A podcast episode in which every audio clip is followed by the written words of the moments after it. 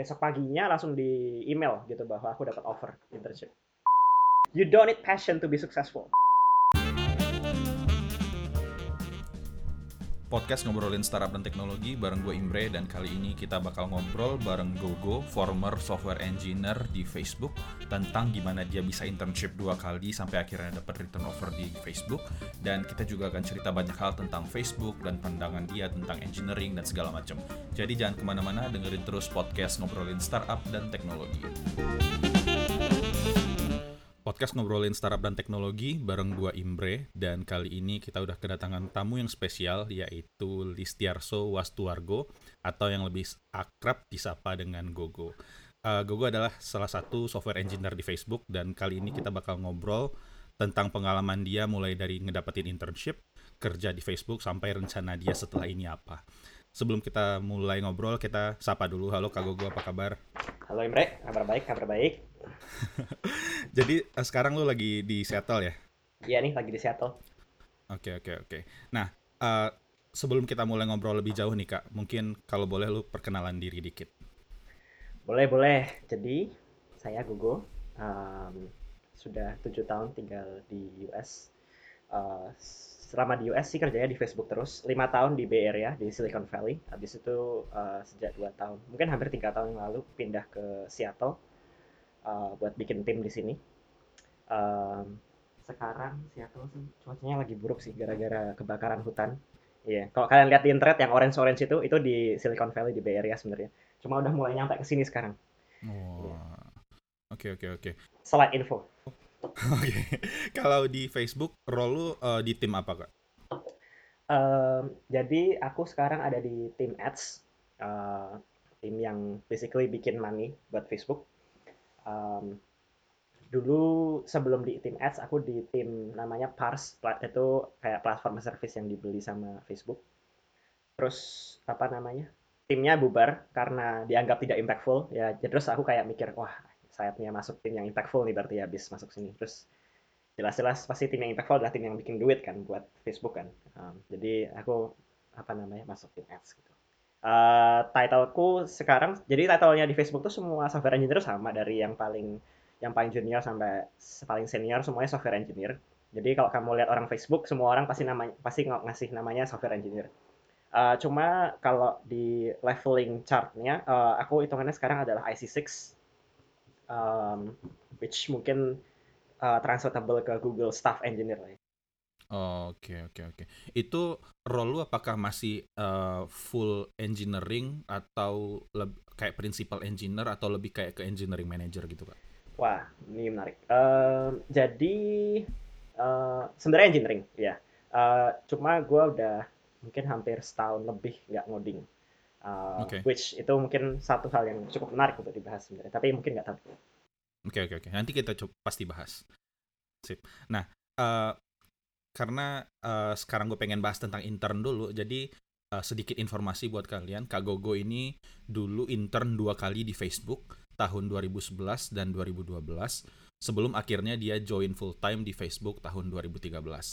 Nah, gue penasaran pada saat itu terus terang kayaknya kayak Facebook kemudian uh, kayak startup startup kayak gitu tuh kan belum terlalu hype ya kayak Betul, Karena betul. bahkan ketika gue lulus 2014 pun itu belum orang belum mulai melirik-lirik ke arah sana.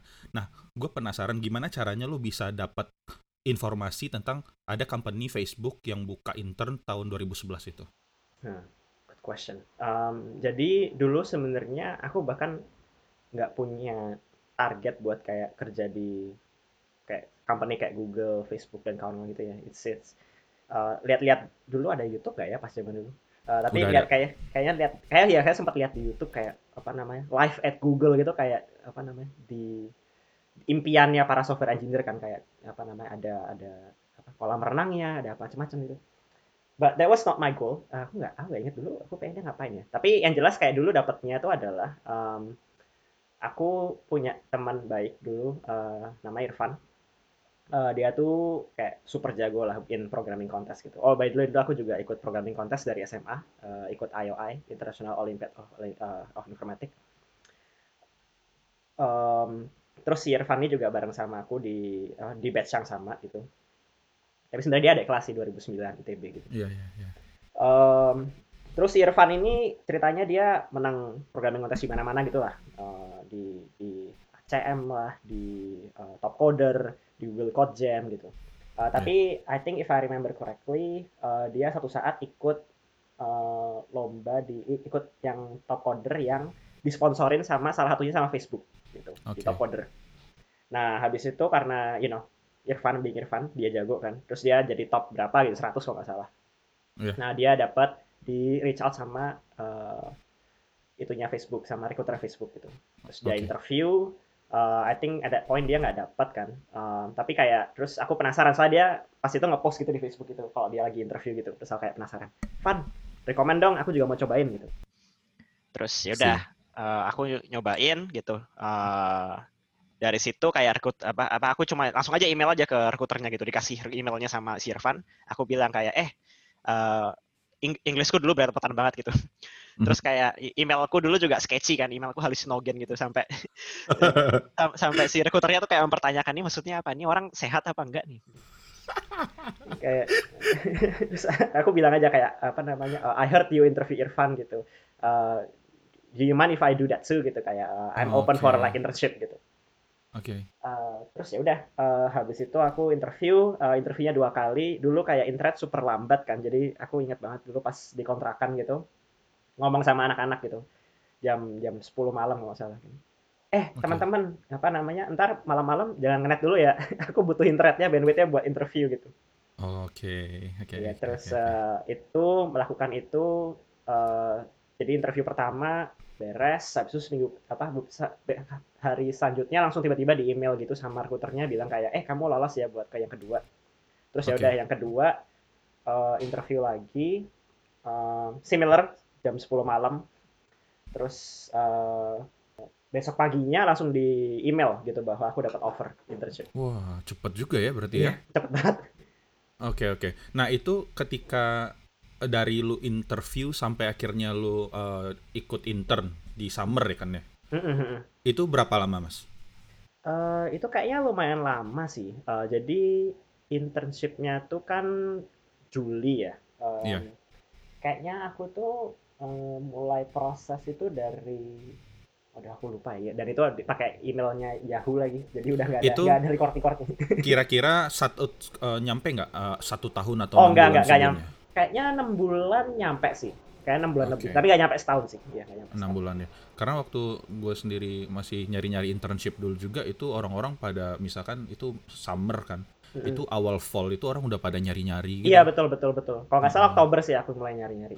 Itu apakah menurut lu kayak kompetisinya sekarang jadi lebih gede ketimbang dulu apa gimana Kak? Atau emang dari dulu sebenarnya udah kayak gitu juga? Nah, ini agak interesting. Jadi ada dua case yang ber- yang sekarang nih aku yang agak beda ya. Yang pertama adalah uh, the fact bahwa sekarang nggak banyak H1B, ya kan? Oh, Oke. Uh, itu H1B itu visanya US by the way, uh, Iya. buat buat kerja full time di US. Uh, kan biasanya orang tuh intern apa dikasih internship offer dengan harapan mereka bakal con- convert full time kan. Yep. Uh, nah dengan H1B yang ini makin uh, terbatas dan mungkin salah satu alasannya karena Trump mungkin ya. Uh, itu uh, bikin sekarang internship orang tuh susah jarang ngasih internship offer ke orang-orang luar uh, gitu. Um, I that's, see. that's one. Tapi itu jarang ngasih offer ke orang-orang luar buat ke US ya. Tapi kalau Iya, misalnya ke ke company yang misalnya di Singapura, di Australia, di Jepang itu beda case-nya. Oke. Eh, itu yang pertama. Yang kedua, coronavirus. Jadi eh, gara-gara coronavirus ini internship itu jadi remote. Nah, Jadi- sayang banget ya. Interesting banget jadinya kayak orang-orang pada nggak ketemu sama mentornya gitu. Jadi cuma kayak online kayak ya ya proyekan online gitu sih. Terus Oke. meeting seminggu sekali gitu. Em, Oke.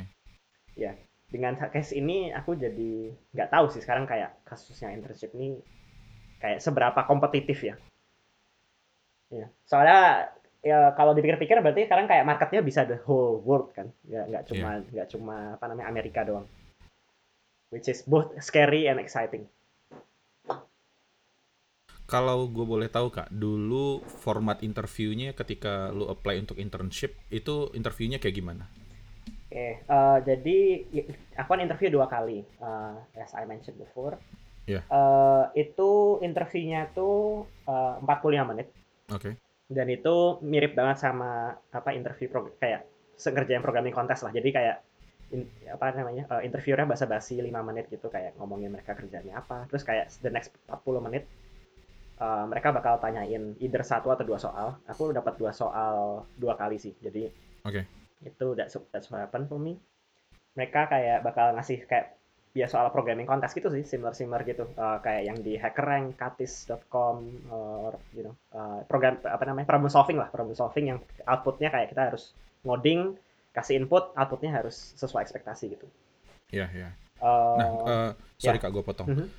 Tadi di awal lo bilang ketika lo interview itu bahasa Inggris lo masih bele- belepotan. Sementara iya. kan ketika interview itu kan komunikasinya bahasa Inggris dan itu penting banget. Itu ya betul betul. apa yang lo lakukan untuk mengatasi itu? Ini in- interesting banget sih. Aku uh, thank you for thanks for asking. Uh, because aku aku hampir gak ngomong sama sekali pas interview. Uh, Oh, ya? Aku gak ngerti sama sekali itu kayak apa namanya mau ngomong mau kayak dengerin pun kadang-kadang susah gitu loh. Bah- jadi bahkan bahkan ya uh, waktu aku ngoding pertanyaan apa namanya interview yang kedua itu itu aku salah ngerti soalnya tuh apa gitu. Oke. Jadi kayak kayak interviewernya bingung kayak wait what are you coding? gitu. Terus Oh, Oke. tapi the good thing adalah karena aku udah pengalaman programming kontes kan jadi aku ngodingnya lumayan cepat gitu. Jadi kayak oh sorry salah salah itu ya ternyata ya salah salah soal ya. Yaudah aku langsung langsung ganti apa namanya eh, jawabannya gitu. So in that sense kayak apa namanya I apa namanya berhasil untuk apa namanya men- menutupi kelemahanku dalam bahasa Inggris dengan skillku ngoding gitu sih. Semacam I semacam gitu see. Ya, ya, ya. Itu case-nya ketika satu tahun kemudian lo interview, kan lo udah ke US nih, udah internship, terus Hmm. habis itu lo interview uh, internship berikutnya. Itu lo merasa ada per, uh, per apa sih perkembangan positif atau gimana? Oh jadi yang pas ke internship yang kedua gue nggak usah interview lagi soalnya yang dari internship pertama udah dapat offer balik gitu mas. Oh, I see. Bisa kayak gitu juga ya? Yes yes bisa kayak gitu. Ah, I see. Nah, kalau boleh share nih kak, eh, untuk teman-teman misalkan yang eh, pengen internship, eh, katakan di company yang tech company kayak di US, mungkin Facebook, Google dan segala macam, itu mereka gimana sih harus persiapan dengan competitive programming kan? Kalau lu kan udah persiapan dari SMA, ikut eh, Toki dan segala macam. Sementara kalau menurut lu teman-teman yang mungkin belum eh, jauh lah dengan competitive programming, apa kiat-kiat yang lo lakukan dulu ketika lu masih awal-awal belajar competitive programming sampai akhirnya lu bisa uh, kayak bisa lah dengan soal-soal yang dikasih untuk interview Facebook kayak gitu. Iya iya. Eh, jadi sebenarnya interview buat jadi pertama gini eh, buat internship itu eh, interviewnya itu I would say relatif gampang kalau dibanding full time ya, which is kamu cuma bakal ditanyain cuma bakal tanya programming contest. Sedangkan kalau full time kamu bakal tanya macam-macam, nggak cuma programming contest tapi juga sistem desain sama Oh, Oke. eh, kayak behavioral gitulah. Oke. Um, jadi internship itu uh, interviewnya relatif gampang uh, menurutku ya. Dan apa namanya kayaknya ini holds true buat multiple companies di Silicon Valley sih nggak cuma Facebook doang. Kayak Google juga kayak gitu Um, ada companies juga banyak yang kayak gitulah. Itu yang pertama. Nah berarti sekarang narrow down ke ini kan uh, interns apa namanya interviewnya berarti kayak harus belajar programming apa uh, problem solving uh, kayak yang similar kayak program pro, similar kayak programming contest style gitu. Oke. Nah, yang kedua yang itu dan di situ pun kayak barnya tuh nggak setinggi programming contest gitu. Jadi kayak Oh, nggak oke. nggak sesusah itulah gitu. Kalau kalau misalnya programming contest itu kalau dari 1 sampai 10 mereka tuh barnya adalah kayak eh, 6 sampai 10 gitu. Hmm. Kalau yang di interview itu mungkin dari 1 sampai 4 gitu lah. Oh, oke. Berarti nggak harus ikut Toki dulu baru bisa masuk Facebook berarti Nggak ya, nggak Kak? harus, iya nggak harus, nggak harus. Sip, sip, sip. Nah, apa namanya? Nggak, tapi bagusnya kalau mau ikut Toki, jadi kayak ya itulah, kau bisa menutupi kelemahanmu yang lain. Iya, betul, betul, kayak yang betul, kemarin betul. aku lakukan itu. Eh, Iya. Nah, buat belajar sebenarnya sekarang resource-nya banyak banget ya. Jadi dulu waktu pertama kali aku belajar itu, itu aku di diajarin sama teman SMA aku. Itu kayak kita pun juga belajar dari satu resource yang sama itu dari eh, programming contest eh, resource gitu dari Amerika namanya Yusaku. Oke. Um, tapi kayaknya sekarang websitenya udah nggak apa namanya nggak nggak nggak hidup lagi gitu. Nah, the good thing sekarang adalah Indonesia juga udah punya something similar namanya ELX kalau nggak salah. Oke. Nah itu resource-nya yang dibikin sama alumni para para alumni Toki. Itu ngajarin banget dari basic banget. Dari bahkan kalau kamu belum bisa ngoding sampai all the way bisa ikut programming contest internasional. So, kalau kamu ikutin itu dari awal sampai akhir, menurutku itu udah itu banget sih, kayak udah udah bisa banget buat interview. Uh, kalau boleh tahu selama inter internshipnya sendiri kegiatannya apa aja kak waktu itu? Lo ngerjain project apa? Dan di sana ngapain aja? Oke, okay, uh, eh, jadi yang pertama kali inter internship pertama kali itu aku ngerjain uh, this secret project gitu, uh, okay. namanya uh, Slayer, uh, which is itu udah udah muncul di mana-mana sih. Jadi I guess it's pretty open bahwa dulu kayak Facebook tuh berencana untuk itu nge-slay Android gitu slay Android and iOS. Jadi mereka kayak mencoba untuk bikin uh, physical, actual physical phone gitu. Oke. Okay. Uh, projectku dulu adalah buat ngurusin bagian kamera sama uh, foto waktu itu. Uh, dan karena aku ngurusin itu, aku juga dulu sempat hackathon about those those uh, apa namanya um, in in that area, basically bikin kamera yang bisa auto detect gitu ini siapa gitu kan. Mm -hmm uh, yang ultimately sampai kita bisa perisan di depannya Mark Zuckerberg gitu sih. Itu okay. yang pertama, internship okay. pertama. Internship kedua itu aku um, kembali kan mau nyob apa namanya kan soalnya waktu kamu internship sebenarnya kamu bisa ngasih kamu preferensinya kamu mau kerja di mana gitu. Aku bilang aku mau kerja di mobile gitu. Karena aku okay. personally percaya bahwa mobile itu the future. Which yeah. is true. Uh, yeah. My my bet my bet kind of pays pays well gitu terus aku di somehow dimasukin ke uh, pages team gitu jadi pages team itu dulu yang basically bisnisnya Facebook lah itu di sana jadi dulu belum ada ads team adanya pages team terus karena dia itu kayak semacam where, where the business are running kayak everything moves very slowly there kayak kayak code review lambat apa lambat gitu. At least dibandingin sama Indonesia yang pertama kali ya. Aku sampai bisa nge itu apa namanya nge, nge side project apa namanya uh, sama consulting company di Indo gitu. Uh, saking, saking slownya gitu. Um, dan itu yang kenapa aku jadi waktu masuk full time pindah ke masuk ke Pars karena I swear to myself if I am joining Facebook I will not join Facebook. Karena aku pikir semua Facebook itu sekarang jadi kayak gitu. Ternyata enggak sih. Okay. um, terus uh, di pro, di yang kedua itu projectku adalah bikin uh, logging buat uh, bikin logging framework buat uh, app barunya Pages. Jadi itu ada Pages namanya Page Manager App. Sekarang masih ada Page Manager App. Uh, dulu aku bikin logging frameworknya. Jadi dulu app-nya baru banget dibuat dari Cordova kalau kamu tahu. Um, kayak wrapper wrappernya WebView buat bikin app gitu. Jadi bikin app tapi cuma buat sebagai itu basically wrapper buat WebView gitu. Jadi bikin bikin uh, logging framework buat itu. Terus karena aku slow banget kan aku sampai bikin versi versi Pages Manager app yang versi Android gitu. Jadi sebelumnya cuma ada yang iOS doang. Terus karena aku kayak aduh bosen ngapain ya gitu. Terus aku bilang aja kayak eh ini aku bikinin yang Android gitu kayak do you mind gitu. Ya udah aku akhirnya bikin itu. Uh, and additionally aku juga ikut hackathon uh, bareng sama temanku orang Indo. Uh, kita bikin uh, dulu dulu kebetulan pas pas di pas zaman-zaman itu ya 2012 itu Google tuh barusan ngerilis banget, barusan banget ngerilis uh, notification bar di mana kamu bisa naruh naruh foto di sana. Oke. Okay. Jadi sebelumnya kan cuma tulisan doang. Nah, yeah. sekarang dia barusan banget ngerilis feature buat bisa naruh foto di sana. Nah, itu aku bikin itu buat uh, Facebook gitu. Uh, either kalau kamu ada friend friend invite atau tag tag in the photo atau taking photo or whatever.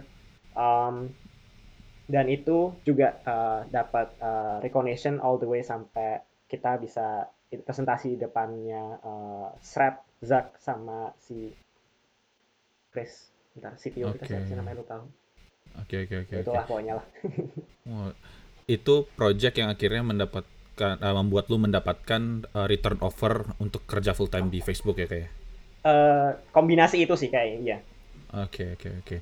nah uh, gue penasaran uh, kalau boleh tahu di Facebook itu sekarang orang Indo ada berapa orang sih kak? Wah, saya nggak ngitung, tapi kayaknya lumayan sih. Uh, lumayan banyak. Kira-kira range range? Es ratusan nyampe sih. Oh banyak juga ya ternyata. Lumayan, lumayan. Di tim or, di organisasiku juga banyak sih sebenarnya cuy. Kalau dipikir-pikir. Itu engineering atau? Engineering ya engineering. Oh, Oke. Okay. Dan itu apakah mereka mengikuti jalur yang sama kayak lu mostly atau emang mereka da- kuliah di US kemudian dapat kerja di Facebook? Majority Eh, gimana kak? Majority kayaknya sih mereka eh, kuliah di US ya. Eh, mereka kuliah di US, terus eh, dapat kerja full time pertama mereka di US gitu. Em, tapi kayak ada banyak juga sih yang kayak eh, yang dari misal dari NTU gitu. Terus dia Oh, apa namanya ker- kerja di apa first first jobnya langsung interview ke US gitu. Eh, atau atau ada juga yang dia udah dua kerja dua tahun kerja di Shopee gitu, habis itu dia lanjut ke Facebook US gitu. Jadi eh, nggak ada apa namanya kata terlambat lah. Gitu. I see, ya, ya, ya, ya, ya. Nah, eh gue penasaran kak, kalau menurut lo yang udah kerja selama tujuh tahun di Facebook, kultur engineering apa aja sih yang menurut lo bagus dan mungkin bisa kita terapkan juga di sini? Mungkin orang-orang di sini bisa belajar juga dari kultur-kultur tadi. I see. I mean this this question actually means kayak aku harus tahu culture-nya di Indo kayak gimana ya. Oke, I think uh, one thing yang aku observe gitu uh, adalah obsession in obsession in data ya. Uh, I guess not even there yet kayak mungkin accountability gitu. Um, kayak yang aku lihat sih sebelum aku mulai terjun gitu di uh, engineering itu basically kayak dapat requirement aja dari PM gitu. Terus kayak habis di coding terus udah gitu. Jadi ketika produknya dirilis dia nggak tahu nasibnya kayak gimana produknya. Oke, eh, kayak produknya bagus kah atau kayak ini apa namanya eh, dipakai apa enggak gitu. Itu kayak mereka nggak ada- nggak tahu itu. Aku nggak tahu itu waktu dulu tuh karena nggak ada informasi aja. Atau eh, atau mindsetnya kayak gitu.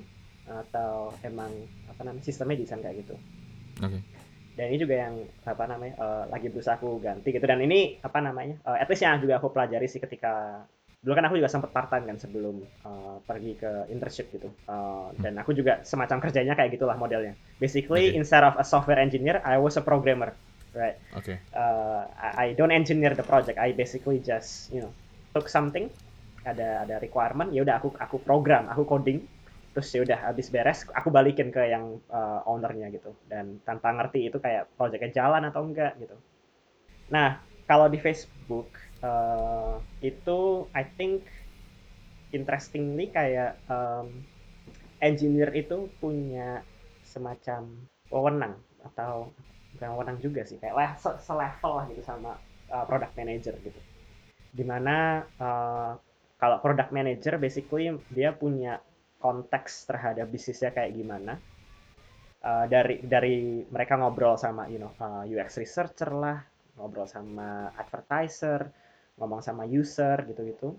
Sedangkan uh, engineer bakal punya insight dari you know uh, the current situation of the code the current situation of the you know apa namanya uh, the data right? Mereka soalnya uh, engineer dari Facebook itu kayak mereka bisa ngerit data.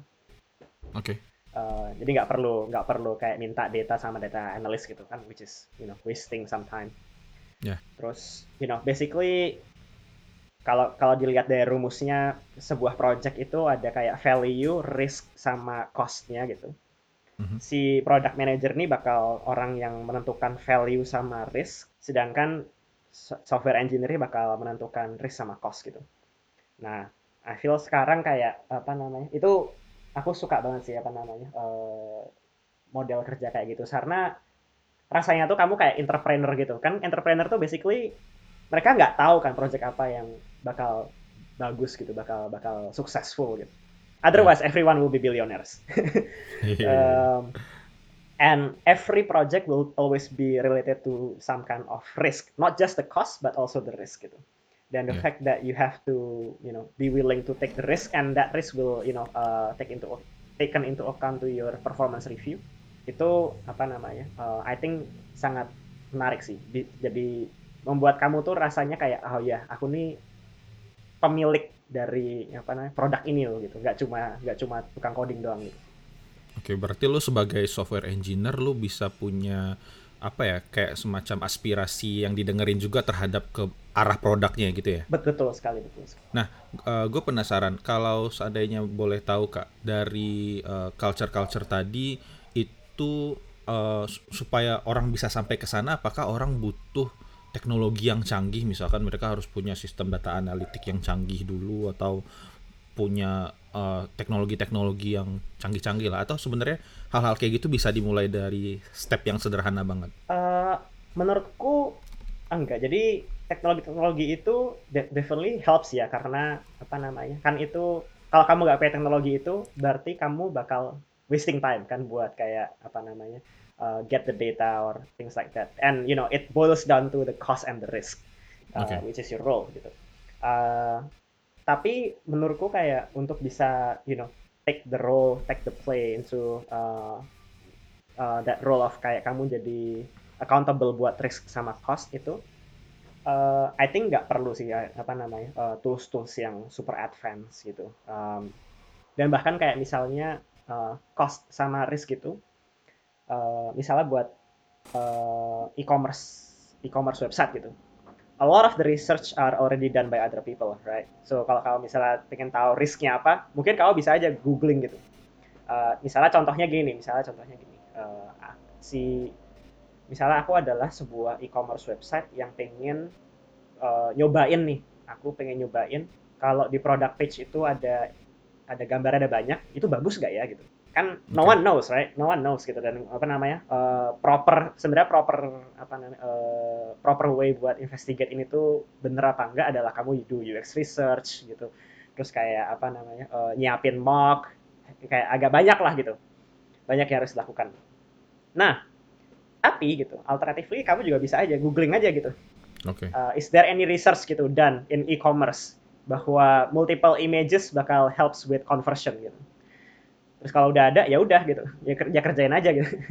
Jadi apa Oke. namanya and, and at that point kamu jadi nggak usah you know bikin data analytics nggak usah bikin uh, apa namanya nggak usah do like this whole apa UX research or even A/B testing. Um, kayak ya udah dikerjain terus kayak mungkin gitu apa namanya bodoh-bodohnya mungkin kayak compare aja performance-nya antara minggu ini sama minggu lalu gitu. Assuming budgetnya sama ya budget marketing sama gitu. Oke, berarti lebih ke gimana caranya kita memanfaatkan data, apakah data itu dari data kita sendiri atau data dari luar juga ya? betul betul. Sama I guess mindset gitu sih. Mindset buat making that decision based on data ya. Nah, gue penasaran kak, Eh, yang gue tahu, lu juga udah nge-interview banyak orang nih eh, ketika dia masuk Facebook.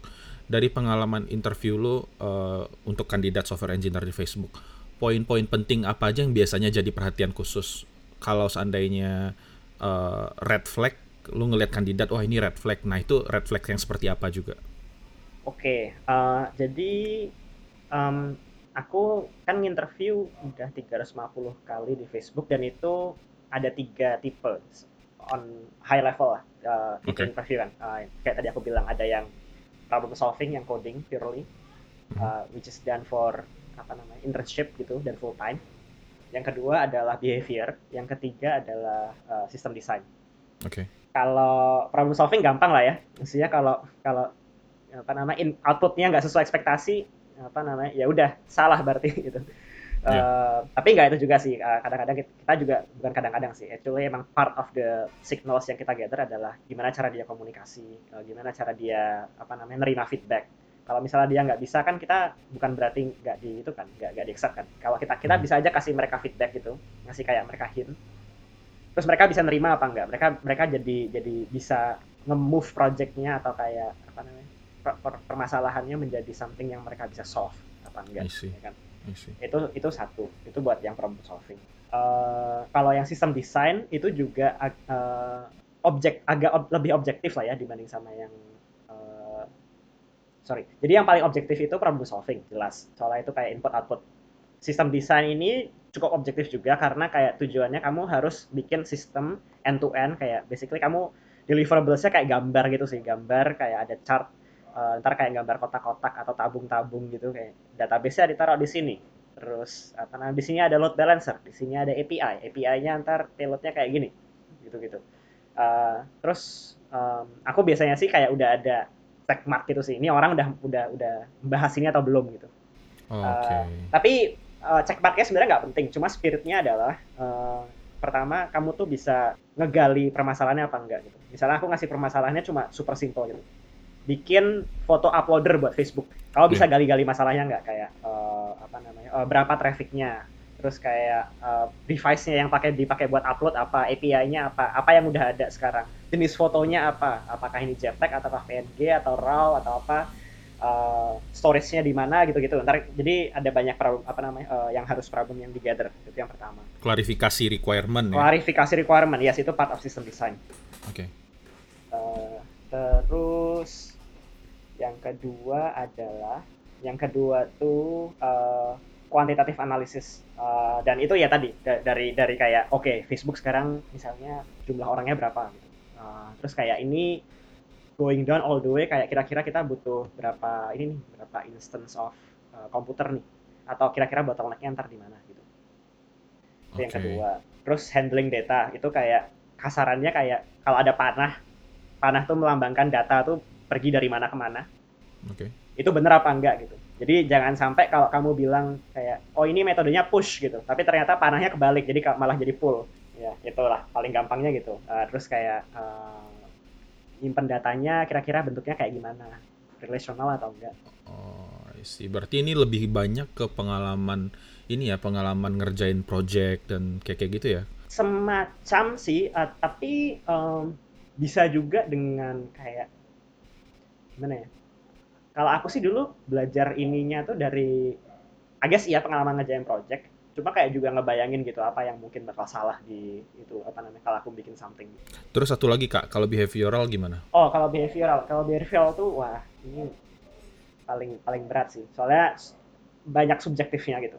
Dan eh, behavioral kalau ini sudut pandangnya tiap orang beda-beda ya. Soalnya kayak again ini subjektif. Walaupun kita udah berusaha banget buat ada apa namanya ada ini ya yang kita gitu ada ya. standarnya iya. Ini yang diliatin ya gitu. Itu juga standarnya juga apa namanya eh, tetap tetap subjektif sih eh, menurutku Oke. dan menurutku yang paling penting dari apa namanya behavioral adalah yaitu as kamu bilang tadi yang awal-awal nyari red flag jadi not so much about collecting the the green light bahwa kayak kamu melakukan ini dengan benar kamu melakukan ini dengan benar kamu melakukan ini dengan benar tapi lebih ke arah kayak apa yang kamu lakukan dan sepertinya bakal membuat kamu tidak sukses di Facebook gitu. Oh, berarti dikaitkan dengan culture-nya Facebook lagi ya. Betul, betul, betul. Ya, em, jadi contoh beberapa yang agak penting gitu. Misalnya kamu tuh proaktif apa enggak gitu. Misalnya kamu dikasih requirement, terus kayak apa namanya, eh, agak nggak jelas gitu requirementnya. Apakah kamu kayak oh requirement cuma kayak gini, ya udah aku kerjain apa yang ada aja atau kayak kamu coba gali-gali kok ini nggak make sense ya gitu terus kayak dicoba gali-gali apa nanya nanya yang ngasih ngasih requirement atau kamu tanya-tanya sama yang ngasih requirement eh ini sebenarnya buat siapa sih itunya eh, kerjaannya terus kamu nanya nanya si orang itu yang apa namanya lebih lebih tahu bisnis requirementnya apa itu salah satunya gitu kamu kalau nggak proaktif pretty sure will not be that successful at Facebook Oke. Eh, yang other thing adalah eh, unstructured dan ambiguity gitu. Eh, soalnya di Facebook ini ada eh, kayak konsep bahwa nothing is someone else problem gitu. Eh, jadi kayak nggak ada nggak ada ownership gitu lah di di kode-kode gitu. Jadi semua orang bisa aja masuk ke kode orang lain terus kayak ya udah di, di- kalau misalnya dia nemu bug diberesin gitu Oke. which which is good but also kind of like uh, have some flaws which is kalau ka- ada something yang bener-bener issue gitu bener-bener apa namanya uh, bener-bener critical terus kayak kamu nggak tahu ini yang punya siapa gitu jadi nggak tahu siapa yang apa namanya harus harus dihubungi kan Oke. nah tapi uh, ini salah satu culture yang cukup di embrace di Facebook ya uh, again back to the value ya. Um, dan itu kayak apa namanya pertanyaan yang kita tanyain kayak misalnya uh, kamu kalau misalnya apakah kamu pernah you know, ngerjain something tapi kamu butuh commit kode di tempat apa code base nya orang lain gitu.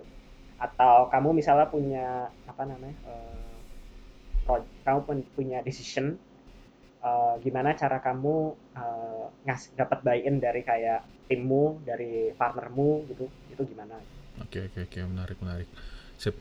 gue pengen lanjut ke pertanyaan berikutnya, Kak. boleh Tentang boleh. mentoring. gue juga lihat di LinkedIn lu, lu juga mentoring eh, sekitar 30 engineer ya. Mm-mm. Kalau mentoring di Facebook tuh kayak gimana sih, Kak, sistemnya? Eh, jadi ada mentoring yang formal dan mentoring yang informal. Eh, mentoring yang formal itu basically mentoring yang di mana eh, kayak nih dikasih tulang. Apa namanya? Uh, ada semacam bukan kontrak juga sih. Event khusus ya? Bukan event khusus juga sih. Jadi lebih ke arah kayak kamu ngomong sama manajermu dia. Misalnya kamu seorang mentor terus uh, yeah. kamu ngomong ke manajer dia atau mungkin kamu sebagai menti gitu. Kamu sebagai menti kamu lihat ada orang itu yang kamu pengen pengen menjadi seperti dia gitu misalnya. Ya which is a mentor gitu. Okay. uh, kamu bilang ke kamu bilang ke manajermu kamu sebagai menti bilang ke manajermu eh aku mau dong diajarin dia selama enam bulan. Gitu. Jadi ini regardless bahwa si orang ini itu ada di projectmu atau bukan gitu. Kamu pengen dia diajarin gitu. Paling bagus sih kalau dia ada di, ada di projectmu juga ya biar dia sekalian ngeliatin day to day-nya kan tapi not necessary gitu. Ntar jadi manajernya bakal ngobrol sama saling satu sama lain, si manajer si mentor sama manajer si menti bakal ngobrol satu sama lain terus kayak actually bikin setup gitu lah. Jadi expectationnya si mentor ngapain, expectationnya si menti ngapain. Ini yang formal ya. Oke. Okay. Kalau yang informal itu biasanya lebih happen kalau misalnya uh, satu project biasanya. Uh, di mana kayak ya udah orang yang jago, orang yang apa namanya orang yang uh, mungkin lebih senior gitu. Mm -hmm. uh, mau nggak mau gitu harus nge-mentorin. Karena kalau misalnya nggak dimentorin ntar proyeknya gagal. Kalau proyeknya gagal ntar bakal uh, impact ke si senior engineer-nya ini kan gitu. Hmm, okay. nah ini kayak yang lebih informal gitu sih. Uh, dan ini biasanya uh, lebih ke arah project execution mentornya. Kalau yang formal nih bisa macam-macam. Bisa project execution uh, bisa about karir bisa about life uh, bisa about you know career choices, bisa about gimana cara ngobrol ke manager gitu-gitu. Oke, okay, oke. Okay. Ada yang menarik kak, uh, ketika lo bilang uh, mentor dan menti sama-sama set expectation. Nah, yes. kalau dari biasanya yang set expectation itu apakah mentor nge-set expect uh, apa yang harus dilakukan sama menti dan menti juga melaku, men, ngasih tahu apa yang ingin dia dapatkan dari mentor atau gimana? Uh, good question. Uh, biasanya mentinya kadang most of the time clueless ya. Jadi kayak dia cuma tahu bahwa ini orang aku pengen jadi kayak orang ini gitu. Tapi nggak tahu kayak aduh aku sebenarnya apa sih yang aku cari dari orang ini? I just know this guy is great gitu. Um, dan itu jadi uh, expectationsnya itu lebih ke arah buat mentornya. Buat kayak gali-gali gitu. Jadi expectationnya gali-gali. Uh, dan maksudnya ekspektasi buat mentor adalah mentor ini jadi sebenarnya kan mentor juga biasanya IC gitu kan yang juga contributor. Yeah. Dia by the at the end of the half gitu dia bakal di review juga gitu. Dan di reviewnya dia ini dia bakal uh, either ditulis sama manajernya atau ditulis sama dia sendiri. Biasanya kalau udah senior banget biasanya nulis nulis ekspresinya sendiri sih. Oke. Okay. Uh, itu bahwa kayak aku bakal ngajarin orang ini sampai dia bisa gini gitu Uh, karena as my observation ini adalah yang yang harus dia pelajari at this time of his career gitu. Oke. Okay. Uh, nah si mentingnya ntar juga juga bakal ngeliatin review gitu kayak ini menurut si mentor kamu sebenarnya kurangnya ini gitu mau belajar apa enggak gitu atau kamu apa namanya uh, ngelihat kamu lebih apa namanya uh, bisa belajar hal lain uh, terus ntar kayak atur-atur ekspektasi terus ntar bakal ultimately dipertanggungjawabkan di performance review I see. Jadi lebih ini ya, lebih karena dipertanggungjawabkan di performance review, jadinya orang lebih serius ya ngejarnya ya. Betul. betul. Oh, Oke, karena uh, gue terus terang juga ngelihat kalau seandainya uh, mentoring itu nggak ada capa, bukan capaian sih, bukan nggak ada ikatan kayak performance review itu juga susah gitu kayak gue sebagai mentor mau maksa-maksa dia untuk uh, ngejar-ngejar ob objektifnya sendiri kan juga agak gimana ya? Iya. Yeah tapi kalau seandainya ada PMR kan otomatis dia punya kesadaran sendiri untuk oh gue harus uh, capai milestone ini A, B, C dan seterusnya. Iya, kalau yang kalau nggak ada kayak semacam kontraknya gitu, itu lebih ke arah willpower sih dan you know, willpower will eventually deplete. Iya iya iya betul. Tapi kalau udah ada sistemnya, ada OKR-nya, uh, itu ya bisa lebih dipertanggungjawabkan in long term. Ya, uh, gue punya pertanyaan kak uh, satu hal yang paling berharga yang lu pelajari selama lu di Facebook? Satu aja. Satu aja ya? Uh... lu boleh dari sisi teknikal atau sisi ketika manage orang. Bebas. Apa ya? Sukar. Uh, I guess bukan yang paling berharga cuma yang paling sering aku pikirin lately kali ya. Oke. Okay. uh, itu adalah uh, you don't need passion to be successful Oke. Okay. Jadi butuhnya apa? Uh, butuhnya adalah uh, ketekunan uh, dan actually doing apa namanya uh, the best you can uh, in where you are right now. karena you know um, honestly jadi aku bisa dibagi jadi dua gitu ya the, the phase di mana kayak aku mengejar you know my passion gitu uh, which is the first two years of my time at Facebook gitu um, and I will say that was kind of like a, a failure in terms of like career wise gitu. Okay. uh, in terms of kayak aku nggak nggak advancing in my career and I don't I didn't learn, learn a lot most importantly. Kayak, kayak teman-temanku juga nggak nggak banyak yang senior juga di sana. Mm-hmm. uh, that's one. Uh, tapi ya ketika aku pindah ke ads. I actually don't don't particularly like the product gitu. Uh, aku nggak terlalu suka ads. Tapi kayak aku I think berada di environment yang tepat. Uh, dan apa namanya uh, just work the best as I can gitu. Kayak kalau ada opportunity I'll take it. Ada apa I take dan eventually kayak I advance way faster. Um, at least kayak itu itu apa namanya uh, apa ya, objektif ob, objectively speaking gitu. I, I I am more successful there gitu dibanding kayak sebelum sebelumnya gitu. I see. Ini poin yang menarik sih kalau boleh gue refleksiin dikit uh, ke pengalaman gue juga. Uh, ketika di awal-awal kerja mungkin uh, sama yang kayak lo bilang gue mengejar passion gue pengen ngerjain ini gue pengen ngerjain ini. Tapi waktu itu ketika misalkan gue dikasih kerjaan yang mungkin gak sesuai dengan apa yang ingin gue kerjakan mungkin gue jadi agak males-malesan. Uh, tapi belakangan yang gue rasain adalah ketika uh, gue kerja kemudian gue di assign sesuatu yang mungkin selama ini gue nggak familiar tapi mau gue coba kerjakan itu ternyata juga membuka knowledge baru juga buat gue jadi itu enggak uh, ya jadi itu juga nambah ilmu. Karena kalau seandainya gue cuma misalkan gue cuma suka ngerjain uh, teknologi A gitu sampai kapan pun gue cuma akan di teknologi A itu dong walaupun gue expert. Tapi ketika gue dikasih sesuatu yang baru dan gue belajar dan balik lagi ke kayak yang lo bilang mungkin tekun itu mungkin gue juga bisa punya kemampuan-kemampuan lain yang mungkin nanti bermanfaat untuk di masa depan juga kali ya. Betul sekali betul sekali. Setuju saya dengan conclusion itu Uh, pertanyaan terakhir kak tentang apa yang ingin lo lakukan setelah ini. Nah, lo udah tujuh tahun di Facebook. Apa yang ingin lo capai berikutnya? Uh, jadi short term mau pulang, mau pulang ke Indo. Okay. Uh, dari dulu sebenarnya ada, dari dulu sebenarnya udah mau pulang ke Indo sih. Emang pengen pengen balik ke Indo, keluarga aku di sana semua. Uh, itu yang pertama, paling paling apa ya? Uh, pers personal reason saya. Uh, yang kedua adalah aku apa namanya uh, as I said tadi before kan kayak um, in ads gitu uh, I'm not working on something that I'm most passionate about but aku kayak akun gitu lah buat buat solving problems gitu. Kayak even aku nggak suka gitu ya udah gitu. If if that's need, need to be done I do it gitu. Oke. Okay.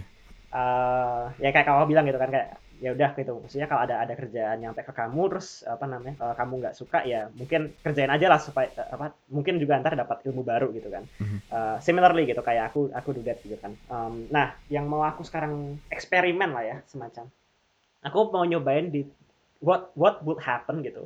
Kalau aku kerja di something yang aku suka dan aku punya this mentality of like just trying to solve problems gitu just. Jadi uh, combining the best of both gitu ya. Okay. Uh, ini aku lagi mau nyoba sih, uh, and that's why gitu. Sekarang aku lagi sangat tertarik di agriculture.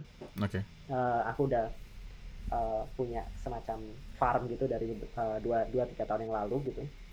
Uh, sekarang makanya bakal uh, join Sirebox um, di Jakarta ntar okay. setelah pulang. Uh, bakal startnya mulai Desember. Ya. Yeah. Oke. Okay. So yeah that's my short term plan sih. Uh, aku nggak terlalu mikir jauh-jauh sampai lima atau enam tahun ke depan, tapi so far that's uh, that's what I'm looking forward to. Ya ya ya menarik. Karena apa ya, gue gue ketika gue mutusin gue udah gue pulang aja deh itu kayak apa ya? Karena ada gue juga di sana juga kesepian dan gue merasa di di sini mungkin bisa lebih banyak hal yang bisa gue kerjain, bisa gue bantu dan ya kongres lah kak. Gue juga ikut senang uh, lu pulang pasti nanti akan banyak yang terinspirasi dan bisa belajar dari lo juga. Mari, mari, mari. Nanti siap-siap gue undang ke meet up. Waduh. Oke. Okay. Virtual, nah, virtual.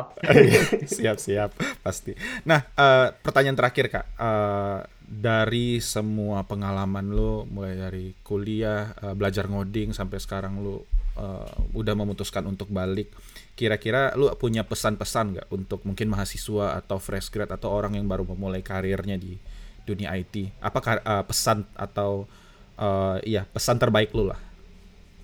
Pesan saya ya jangan malas. Okay. uh, satu satu hari itu udah 24 jam. Uh, kuliah tuh paling I don't know 10 jam. Uh, there are a lot of time there. Uh, sebagai contoh ya kayak aku tuh waktu kuliah tuh sempet lagi satu SMA bahkan ya. Itu kan kayak seolah-olah habis habis sekolah tuh udah capek lah ya. Oke. habis sekolah jam sampai jam 4 sore gitu udah capek gitu. Tapi aku dulu, dulu ketika lagi niat-niatnya aku belajar gitu belajar programming belajar macam-macam sampai jam 2 pagi. Dan Oke. jam 6 tuh udah bangun lagi buat buat kuliah lagi buat sekolah lagi gitu. Iya. so apa namanya saran saya adalah sehari itu 24 jam gitu. Dan you know if you want to be successful you gotta make those time counts Uh, Oke. especially kalau kamu muda times compounds Iya, iya, iya. uh, improvement compounds yeah. Iya. the the earlier you do it and the harder you do it earlier the better you will be in. Luar biasa, menarik banget. Itu sebenarnya simple banget, tapi orang banyak yang nggak melakukan itu ya nggak sih? iya Jangan malas kayak itu ya pesan yang ini aja sebenarnya udah sering dibilang, tapi untuk melakukan itu tuh butuh effort yang gede banget menurut gue. Iya Luar biasa. will willpowernya banyak sih Iya, di betul. together itu ya Oke, sip. Eh, gue nggak punya pertanyaan lagi kak. Eh, terakhir terima kasih udah mau gue ajak ngobrol-ngobrol. Nanti kalau udah di Indo kita ngobrol-ngobrol lagi lah. Mudah-mudahan mantap. corona segera berakhir juga. yuk biar bisa ngopi-ngopi kita kan face to Asik, face asik, asik, asik. Asik. Siap, siap. Eh, gua close dulu ya. Jadi, sip eh, oke, makasih eh, semuanya buat yang udah denger. Sampai ketemu lagi di episode berikutnya. Seperti biasa, kalau ada komentar, saran atau feedback, eh, mention gue di Twitter @imbrenagi. Dari gue itu aja. Terima kasih. Assalamualaikum warahmatullahi wabarakatuh.